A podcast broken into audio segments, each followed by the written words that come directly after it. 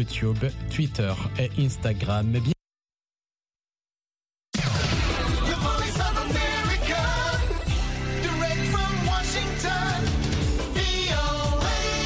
Sashen Hausa na muryar Amurka ke magana daga na birnin Washington DC.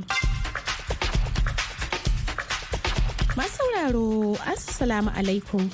Hadiza Kyari ce tare da Maryam Dauda da sauran abokan aiki. Muka sake dawo a shirinmu na hantsi a yau ranar Juma'a 27 ga watan Janairu na shekarar 2023.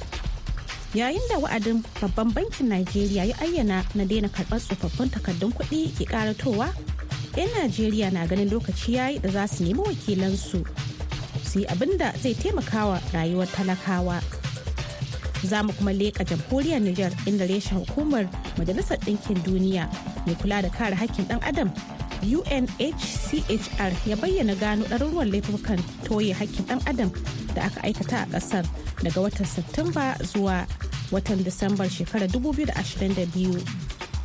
Sannan a yayin da ya rage ƙasa da kwanaki talatin da za a gudanar da zaɓen shugaban ƙasa a Najeriya.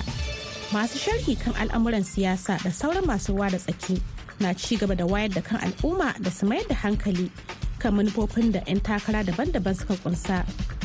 Kamar kowace ranar Juma'a za a ji shirin yanayi da muhalli na Aisha Ma'azu. Amma kafin nan ga Maryam halin da duniya ke ciki. Jama'a Assalamu alaikum ga cikakkun labaran. Rasha ta kaddamar da sabbin hare-haren makami mai linzami akan wurare da yawa a Ukraine a jiya Alhamis, inda suka kashe mutane goma sha ɗaya tare da jakata wasu sha ɗaya a cewar hukumomi. Hukumar ba da agajin gaggawa ta Ukraine ta ce hare-haren sun taɓa yankuna sha ɗaya a ƙasar. Rundunar sojan saman Ukraine ta ce Rasha ta harba makamai masu linzami hamsin da biyar yayin da Ukraine ta kakkaɓo galibansu. Gine-gine 35 sun lalace sakamakon hare-haren. Dakaran Moscow na ci gaba da kai hare-hare a kan cibiyoyin makamashin Ukraine a yayin da ake fuskantar tsananin yanayin hunturu a ƙoƙarinsu na karya gwiwar al'ummar Ukraine. A wani saƙo da ya rubuta a shafin Telegram, Prime Minister Ukraine Denis Shmihal ya ce cibiyoyin makamashi suka fi mai da hankali a kai don samar wa 'yan Ukraine lantarki. magajin garin kiev vitali klitschko ya ce an kashe mutum ɗaya a babban birnin na ukraine sannan wasu biyu kuma sun jakata a lokacin da wani makami mai linzami ya fada akan wani gini ofishin babban mai gabatar da kara na ƙasar ya ce an kashe mutane uku a wani hari da rasha ta kai akan wasu gine-gine a birnin zaporizhia inda cibiyar makamashin nukiliya mafi girma ta turai take. Yayin da take fuskantar takunkumin karya tattalin arziki da hauhawar farashin kayayyaki da kuma tashin hankali a cikin al'umma da ya bazu ko'ina gwamnatin iran ta samu bunƙasa ta fannin man da take saidawa china a farashi mai rahusa iran ba ta fitar da ƙididdiga a kan cinikin manta amma masu sharhi sun ce Tehran ta samu ƙari a yawan man da take fitarwa waje da ya zarta gangar mai miliyan 1.2 a kowace rana a cikin wata uku da suka gabata. Man Iran na isa kasuwannin China ta amfani da dabarar kama wajen dakon shi da gwamnatin Iran ta ƙware da ita a tsawon shekaru da yawa da ƙasashen yamma suka sanya mata takunkumi. Mahdi Godsi, masanin tattalin arziki a cibiyar nazarin tattalin arzikin ƙasa da ƙasa da ke Vienna, ya faɗawa muryar amurka cewa gwamnatin iran yanzu ta ƙware sosai wajen kaucewa takunkumin da aka sanya mata haka kuma take yi wa venezuela ko ma rasha.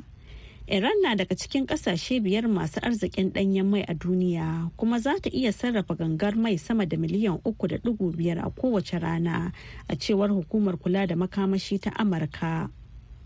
Ma'aikatar harkokin wajen faransa ta buƙaci a gaggauta sakin bernard filan mai takardar zama ƙasar faransa da ireland da ake tsare da shi a iran wanda yanayin lafiyarsa ya yi muni. Inda faransa ta ce an hana shi damar samun kulawar gaggawa dangantaka tsakanin faransa da iran ta yi tsami sosai a 'yan watannin nan inda Tehran ta tsara wasu 'yan Faransa guda bakwai a abin da Faransar ta kira kaman ba gaira ba dalili da ke daidai da yin garkuwa da ɗan wata ƙasa. Filan ɗan shekara 64 mai ba da shawara ga masu zuwa yawon buɗe ido a farkon watan oktoban bara aka tsare shi yayin da zanga-zangar adawa da gwamnati ta bazu a faɗin iran. Jami'an diflomasiyya sun ce a baya-bayan nan ya kawo ƙarshen kin cin abinci da ya yi. Lamarin da ya yi illa sosai ga lafiyarsa kuma har yanzu bai da ƙarfi sosai. To kuna sauraron labaran ne daga nan sashen hausa na muryar amurka a birnin washington dc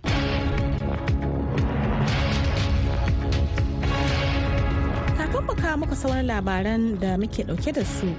Za mu fara kawo muku rahotonmu na farko. Bari mu shiga taskar rahotanninmu daga Najeriya inda ya rage kwanaki kafin cika wa'adin da babban bankin Najeriya ya bayar wa 'yan ƙasar. Kansu daina karɓar da kuma amfani da tsoffin takardun kuɗin da aka canza lamarin da ya haifar da korafe-korafe daga abuja ga ci gaban rahoton da wakiliyar mu shamsiya hamza ibrahim ta haɗa mana Babban bankin Najeriya CBN dai ya ce ba gudu ba ja da baya game da wa'adin da ya sanya na daina amfani da tsofin takardun kuɗin ƙasar daga ranar 31 ga watan nan na Janairu duk wada kiraye-kirayen da bangarori da dama a cikin ƙasar suka yi kan a tsawaita wa'adin. Shugaban ƙungiyar matasan Arewa ta Gabas Alhaji Abdulrahman Buba Kwacham ya ce wannan mataki zai takura wa talaka tare da tura shi bango don haka da sake. Najeriya ba ƙasa ba ce wadda za a yi mata hawan ƙawara. Najeriya tana da al'umma sama da miliyon ɗari biyu. A ce an zo za a yi canjin kuɗi. Kuma canjin kuɗin nan za a yi shi a cikin kwana ɗari. A kwana ɗari nan wani fa abun da ake yin nan yana ƙauye ma bai san abun da ake yin nan ba sai ran da ya fito zai zo birni ne zai san me ake yin wannan abu. Sannan ba a duba wahalhalun da al'umma suke ciki. A gaskiya za a kai talaka bongo. Kuma mu ba za mu yadda da wannan ba. Shugaban ƙasa ya sani, gwamnan babban bankin Najeriya ya sani, 'yan majalisun ƙasar nan su tashi kada fa a kai mu bongo. 'Yan Najeriya da dama sun yi korafi game da ƙarancin sabbin takardun kuɗin inda suka ce har yanzu bai wadata ba kuma har ya zuwa wannan lokaci bankunan ƙasar na baiwa kwastomomin su tsofin takardun kuɗin. Musa Ilyasu ɗan kasuwa ne da ya bayyana korafinsa kamar haka. koyo dai an fitar da tsahin kuɗi a banki eh muna karɓa jehi jehi amma ba kowane lokaci ba gaskiya lamari dai an cutar da mutane haka saboda mutane wasu suna da kuɗin nan ba su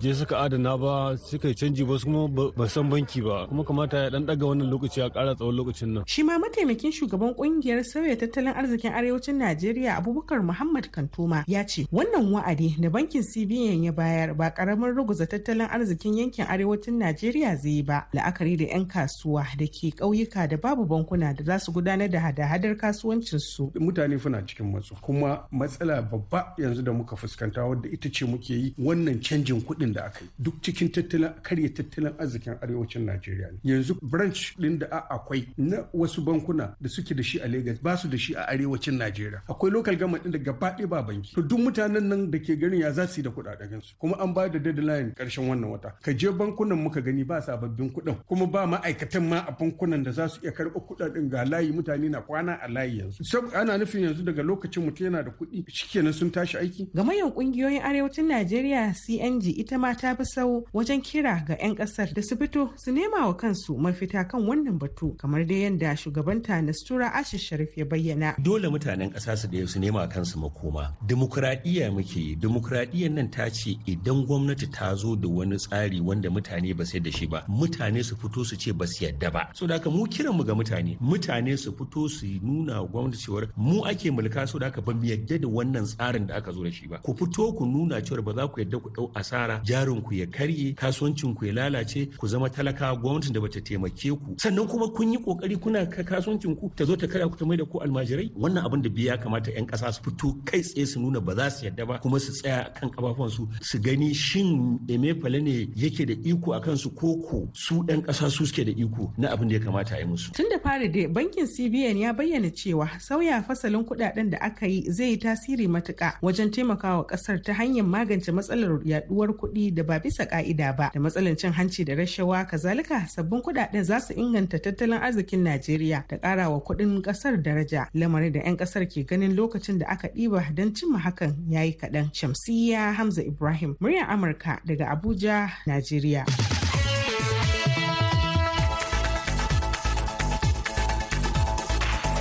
a gaida shamsi hamza ibrahim yanzu kuma ga maryam ɗauke da sauran labaran duniya Dakaran Amurka na musamman sun kashe wani babban jami'in ƙungiyar ISIS tare da wasu 'yan ta'adda goma a yankin arewacin Somalia a cewar wata sanarwar gwamnatin Biden a jiya Alhamis. farmakin da aka kai shekaran jiya laraba ya auna bilal al-sudani babban mai taimakawa ƙungiyar ta'addancin a harkokin kudinta a wani gini da ke cikin kogon dutse wannan matakin ya taimakawa amurka da abokan hulɗarta ta fannin tsaro kuma hakan ya nuna tsayin dakar da muke yi wajen kare amurkawa daga barazanar ta'addanci a gida da waje a cewar sakataren tsaron amurka lloyd austin a cikin wata sanarwa. An yi wa shugaba joe biden bayani a makon da ya gabata game da shirin kai farmakin wanda aka aiwatar bayan da aka kwashe watanni ana shirye-shiryensa. 'yan tawayen m23 da ke gabashin jamhuriyar demokuraɗiyyar congo sun yi aron gama da sojoji da mayaƙan sa kai abokan gabarsu a jiya alhamis. A cewar jama'ai waɗanda kuma suka ce mayaƙan ƙungiyar sun katsa wata muhimmiyar hanya a yankin da ke fama da tashin tashina. Ƙungiyar ta m23 ta mamaye yankuna da dama a lardin kivu ta arewa tun a shekarar da ta gabata inda yanzu ta fara tunkarar goma babban birnin lardin. A shekarar 2012 ne ƙungiyar ta fara yin fice a lokacin da ta ƙwace wani birni mai mutane sama da miliyan ɗaya kafin daga bisani aka fitattaki 'yan ƙungiyar suka koma maboya shirin sa ido kan tashin hankali a gabashin jamhuriyar demokuraɗiyyar congo da ake kira kivu security tracker a shekaran jiya laraba ya bayyana cewa ƙungiyar m23 na kusantar yankin masisi da ke lardin kivu ta arewa. Maryam Dauda da ta karanto na labaran duniya daga nan sashen Hausa na muryar Amurka a birnin Washington DC.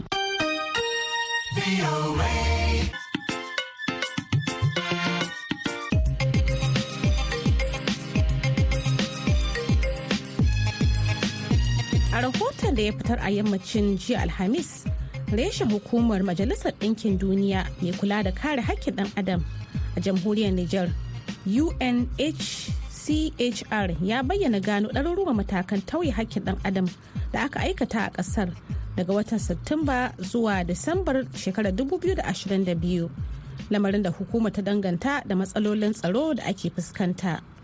Wakilin muryar amurka salamu mana barma ya aiko mana da karin bayani daga yamai. A taron manema labaran da ya kira reshen hukumar ta unhchr ko hcdh mai ofishi a birnin yamai ya yi bayani akan muhimman abubuwan da suka wakana a nishar a tsakanin 1 ga watan satumba zuwa 31 ga watan disambar 2022 omar kebiu kalame shine wakilin wannan hukuma. Le HCDH Niger a enregistré 351 cas de violation et d'atteinte aux droits de l'homme.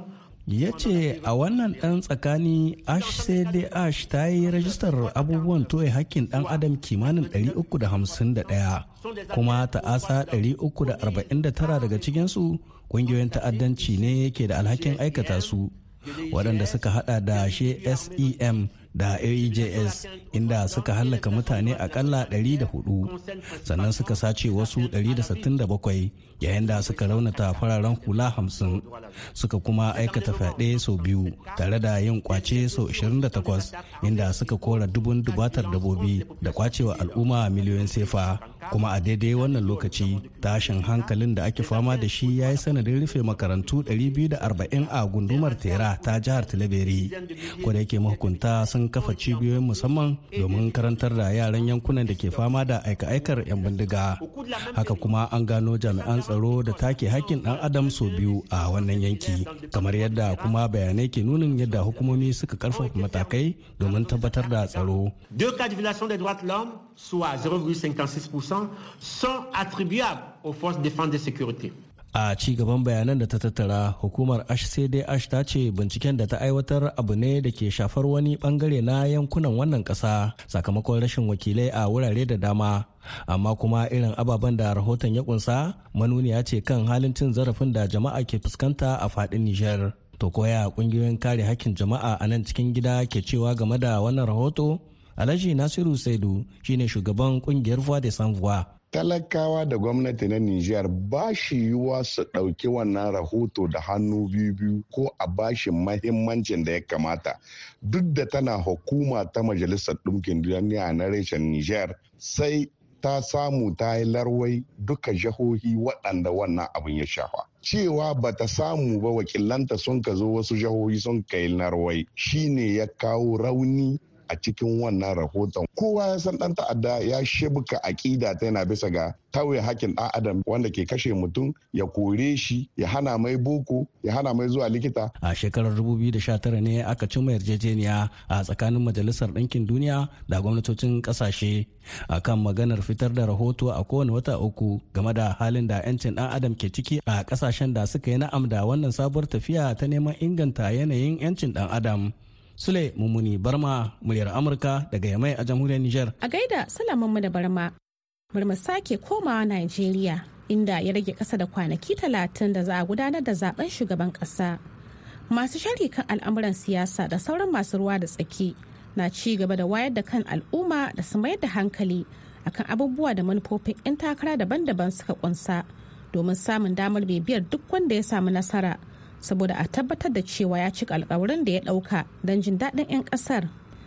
Daga abuja wakiliyar mu halima abdulra'uf ta aiko mana da ƙarin bayani. Batun wayar da kan al'umma din na ci gaba da ɗaukar hankali ne musamman a daidai lokacin da wasu masu sharhi akan al'amuran siyasa daban-daban ke gudanar da tarukan muhawara don yin nazari akan manufofin da manyan 'yan takara kamar pdp apc labour party da nnpp suka gabatar don ya zama wani mataki na sanya ido akan duk wanda allah ya bawa nasara a zaɓen na watan fabrairu. Ya cika duk alkawuran da ya ɗauka ko a nemi yadda za a tsige shi daga kan karakar mulki. Duk da cewa akwai bambanci a manufofin 'yan takarar shugaban kasa daban-daban da ma yanayin da suka ce za su aiwatar da su idan Allah ya ba su nasara 'yan Najeriya na da bayyana muhimman abubuwa da ya kamata duk wanda ya sami nasara ya mayar da hankali a kai. Suna mai cewa a wannan karan za su sanya ido sosai akan duk wanda ya sami nasara don ya cika alkawuran da ya ɗauka kazalika 'yan takarar Labour Party APC da PDP duk sun amince da irin barazana da ake fuskanta a ƙasar tare da bayar da shawarwari daban-daban da suka hada da sake fasalin yadda aikin 'yan sanda ke tafiya inganta ayyukan tsaro inganta tsarin makamai zamantakewar jama'a da ƙarfafa tattalin arziki. Comrade salihu dan tata mahmud mai sharhi ne akan al'amuran siyasa. In kin ka duba abubuwa ne wanda muke ganin 'yan takara na ƙasashen birtaniya jamus da amerika suke yi. Saboda yawanci za a zo inda an ka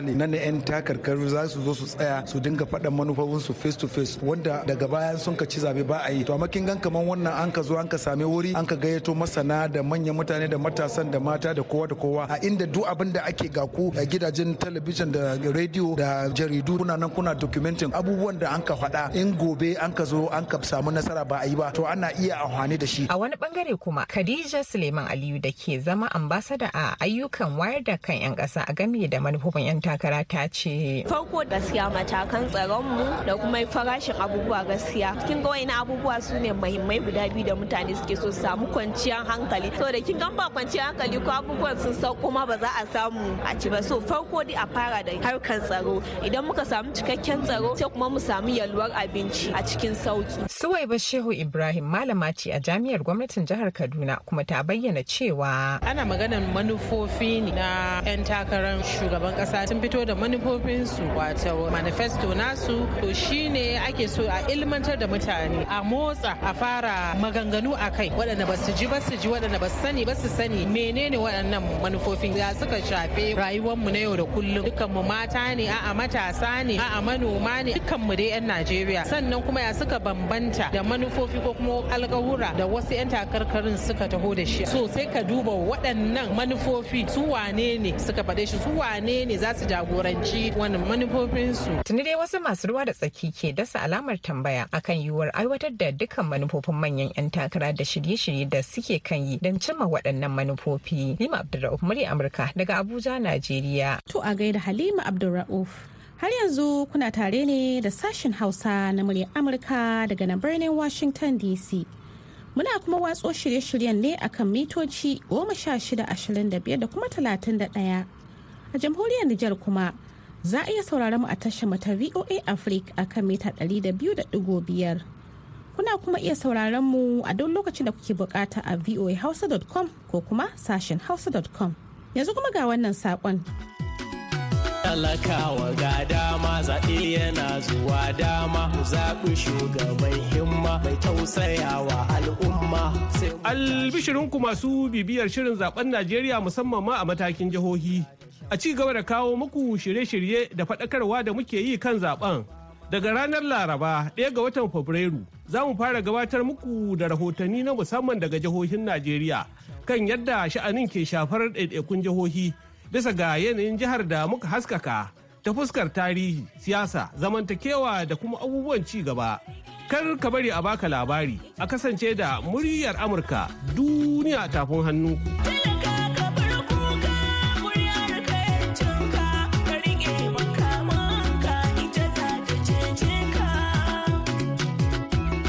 Kai ga shirinmu na gaba ku shakata da wannan waƙar. Haɗa kai mu daina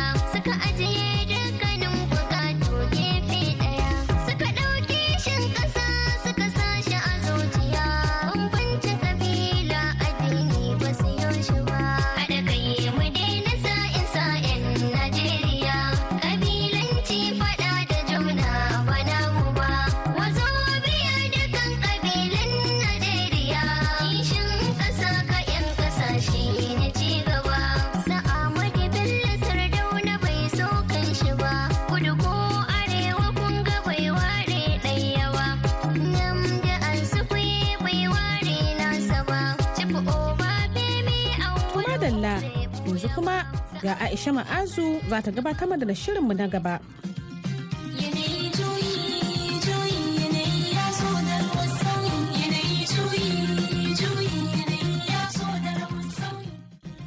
Barka da hantsin wannan rana ta Juma'a mai albarka mai sauraro kuma barka da kasancewa da shirin yanayi da muhalli daga nan sashin Hausa na muryar Amurka tare da ni Aisha Mu'azu.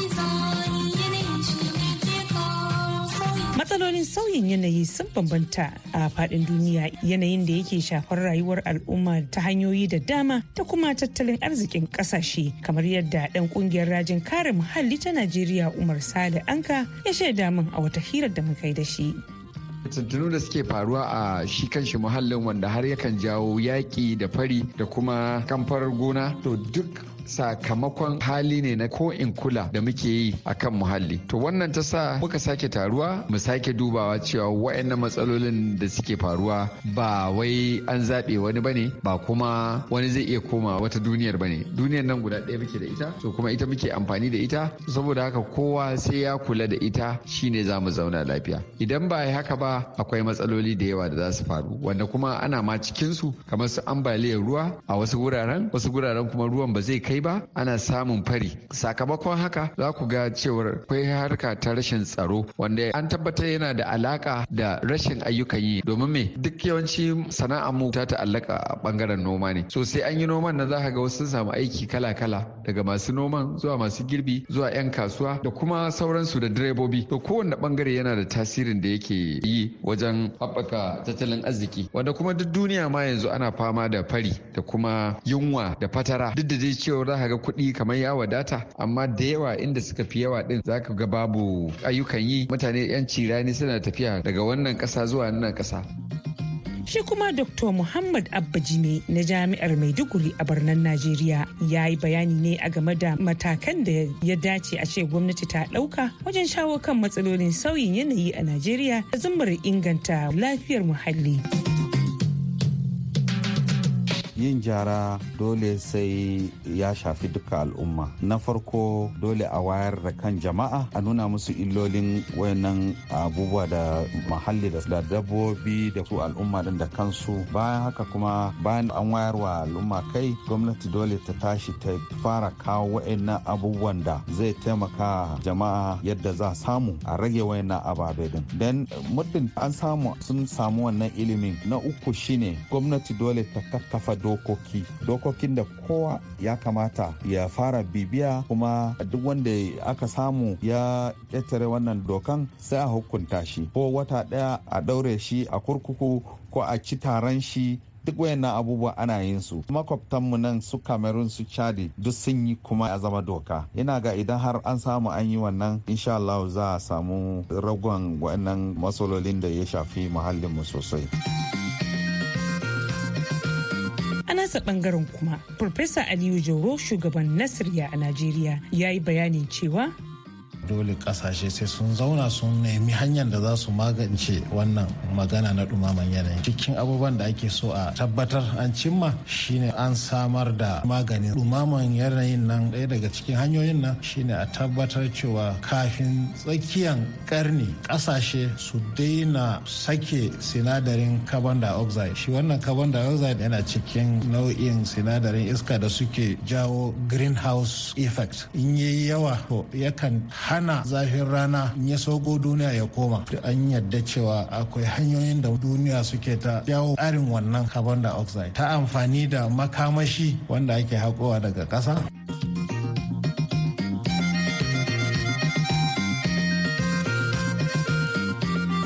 Mai sauraro da haka ne kuma za mu yi sallama a cikin shirin a yau. Amma idan aka tara da mu zuwa makon gobe idan Allah mai kowa mai kuma ya raya mu, za a ji mu da wani sabon shirin.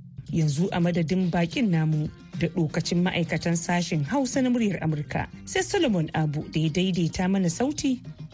Ni Aisha Mu'azu nake mana fatar alkhairi.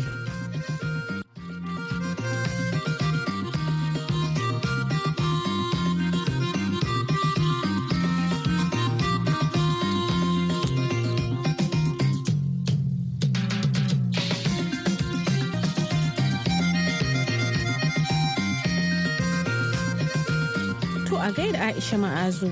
Da wannan kuma muka zo ga shirinmu na ƙarshe wato labarai amma fa a taƙaice. Rasha ta kaddamar da sabbin har-haren makami mai linzami akan wurare da yawa a Ukraine a jiya Alhamis inda suka kashe mutane goma sha ɗaya tare da jikkata wasu sha ɗaya a cewar hukumomi. Hukumar ba da agajin gaggawa ta Ukraine ta ce hare-haren sun taɓa yankuna sha ɗaya a ƙasar. Rundunar sojan saman Ukraine ta ce Rasha ta harba makamai masu linzami hamsin da biyar yayin da Ukraine ta kakkaɓo galibansu. Gine-gine 35 sun lalace sakamakon hare-haren. Yayin da take fuskantar takunkumin karya tattalin arziki da hauhawar farashin kayayyaki da kuma tashin hankali a cikin al'umma da ya bazu ko'ina. Gwamnatin Iran ta samu bunƙasa ta fannin man da take saidawa China a farashi mai rahusa. Iran ba ta fitar da ƙididdiga a kan cinikin manta, amma masu sharhi sun ce, Tehran ta samu ƙari a yawan man da take fitarwa waje da ya zarta gangar mai miliyan 1.2 a kowace rana a cikin wata uku da suka gabata. Mai Iran na isa kasuwannin China ta amfani da dabarar ɓadda kama wajen dakon shi da gwamnatin Iran ta kware da ita a tsawon shekaru da yawa da ƙasashen yamma suka sanya mata takunkumi. Ma'aikatar harkokin wajen faransa ta buƙaci a gaggauta sakin bernard filan mai takardar zama ƙasar faransa da ireland da ake tsare da shi a iran wanda yanayin lafiyarsa ya yi muni inda faransa ta ce an hana shi damar samun kulawar gaggawa. Dangantaka tsakanin faransa da iran ta yi tsami a 'yan watannin nan inda tehran ta tsare wasu 'yan faransa guda bakwai a abin da faransa ta kira kaman ba gaira ba dalili da ke daidai da yin garkuwa da dan wata ƙasa. Toma sauraro a nan muka kawo ƙarshen shirin namu na hantsi sai kuma can da la'asa da misalin ƙarfe huɗu na yamma idan Allah ya kai mu za ku ji wasu daga cikin abokan aikinmu ɗauke da wani sabon shirin. Ya zama da dukkan waɗanda suka ba da gudumawar ga nasarar wannan shirin musamman Maryam Dauda da ta karanta mana labarai sai kuma Salman Abo da ya haɗa shirin kuma ya ba da umarni. Ni Hadiza Kyari ke sallama da ku daga nan sashen Hausa na muryar Amurka a birnin Washington DC.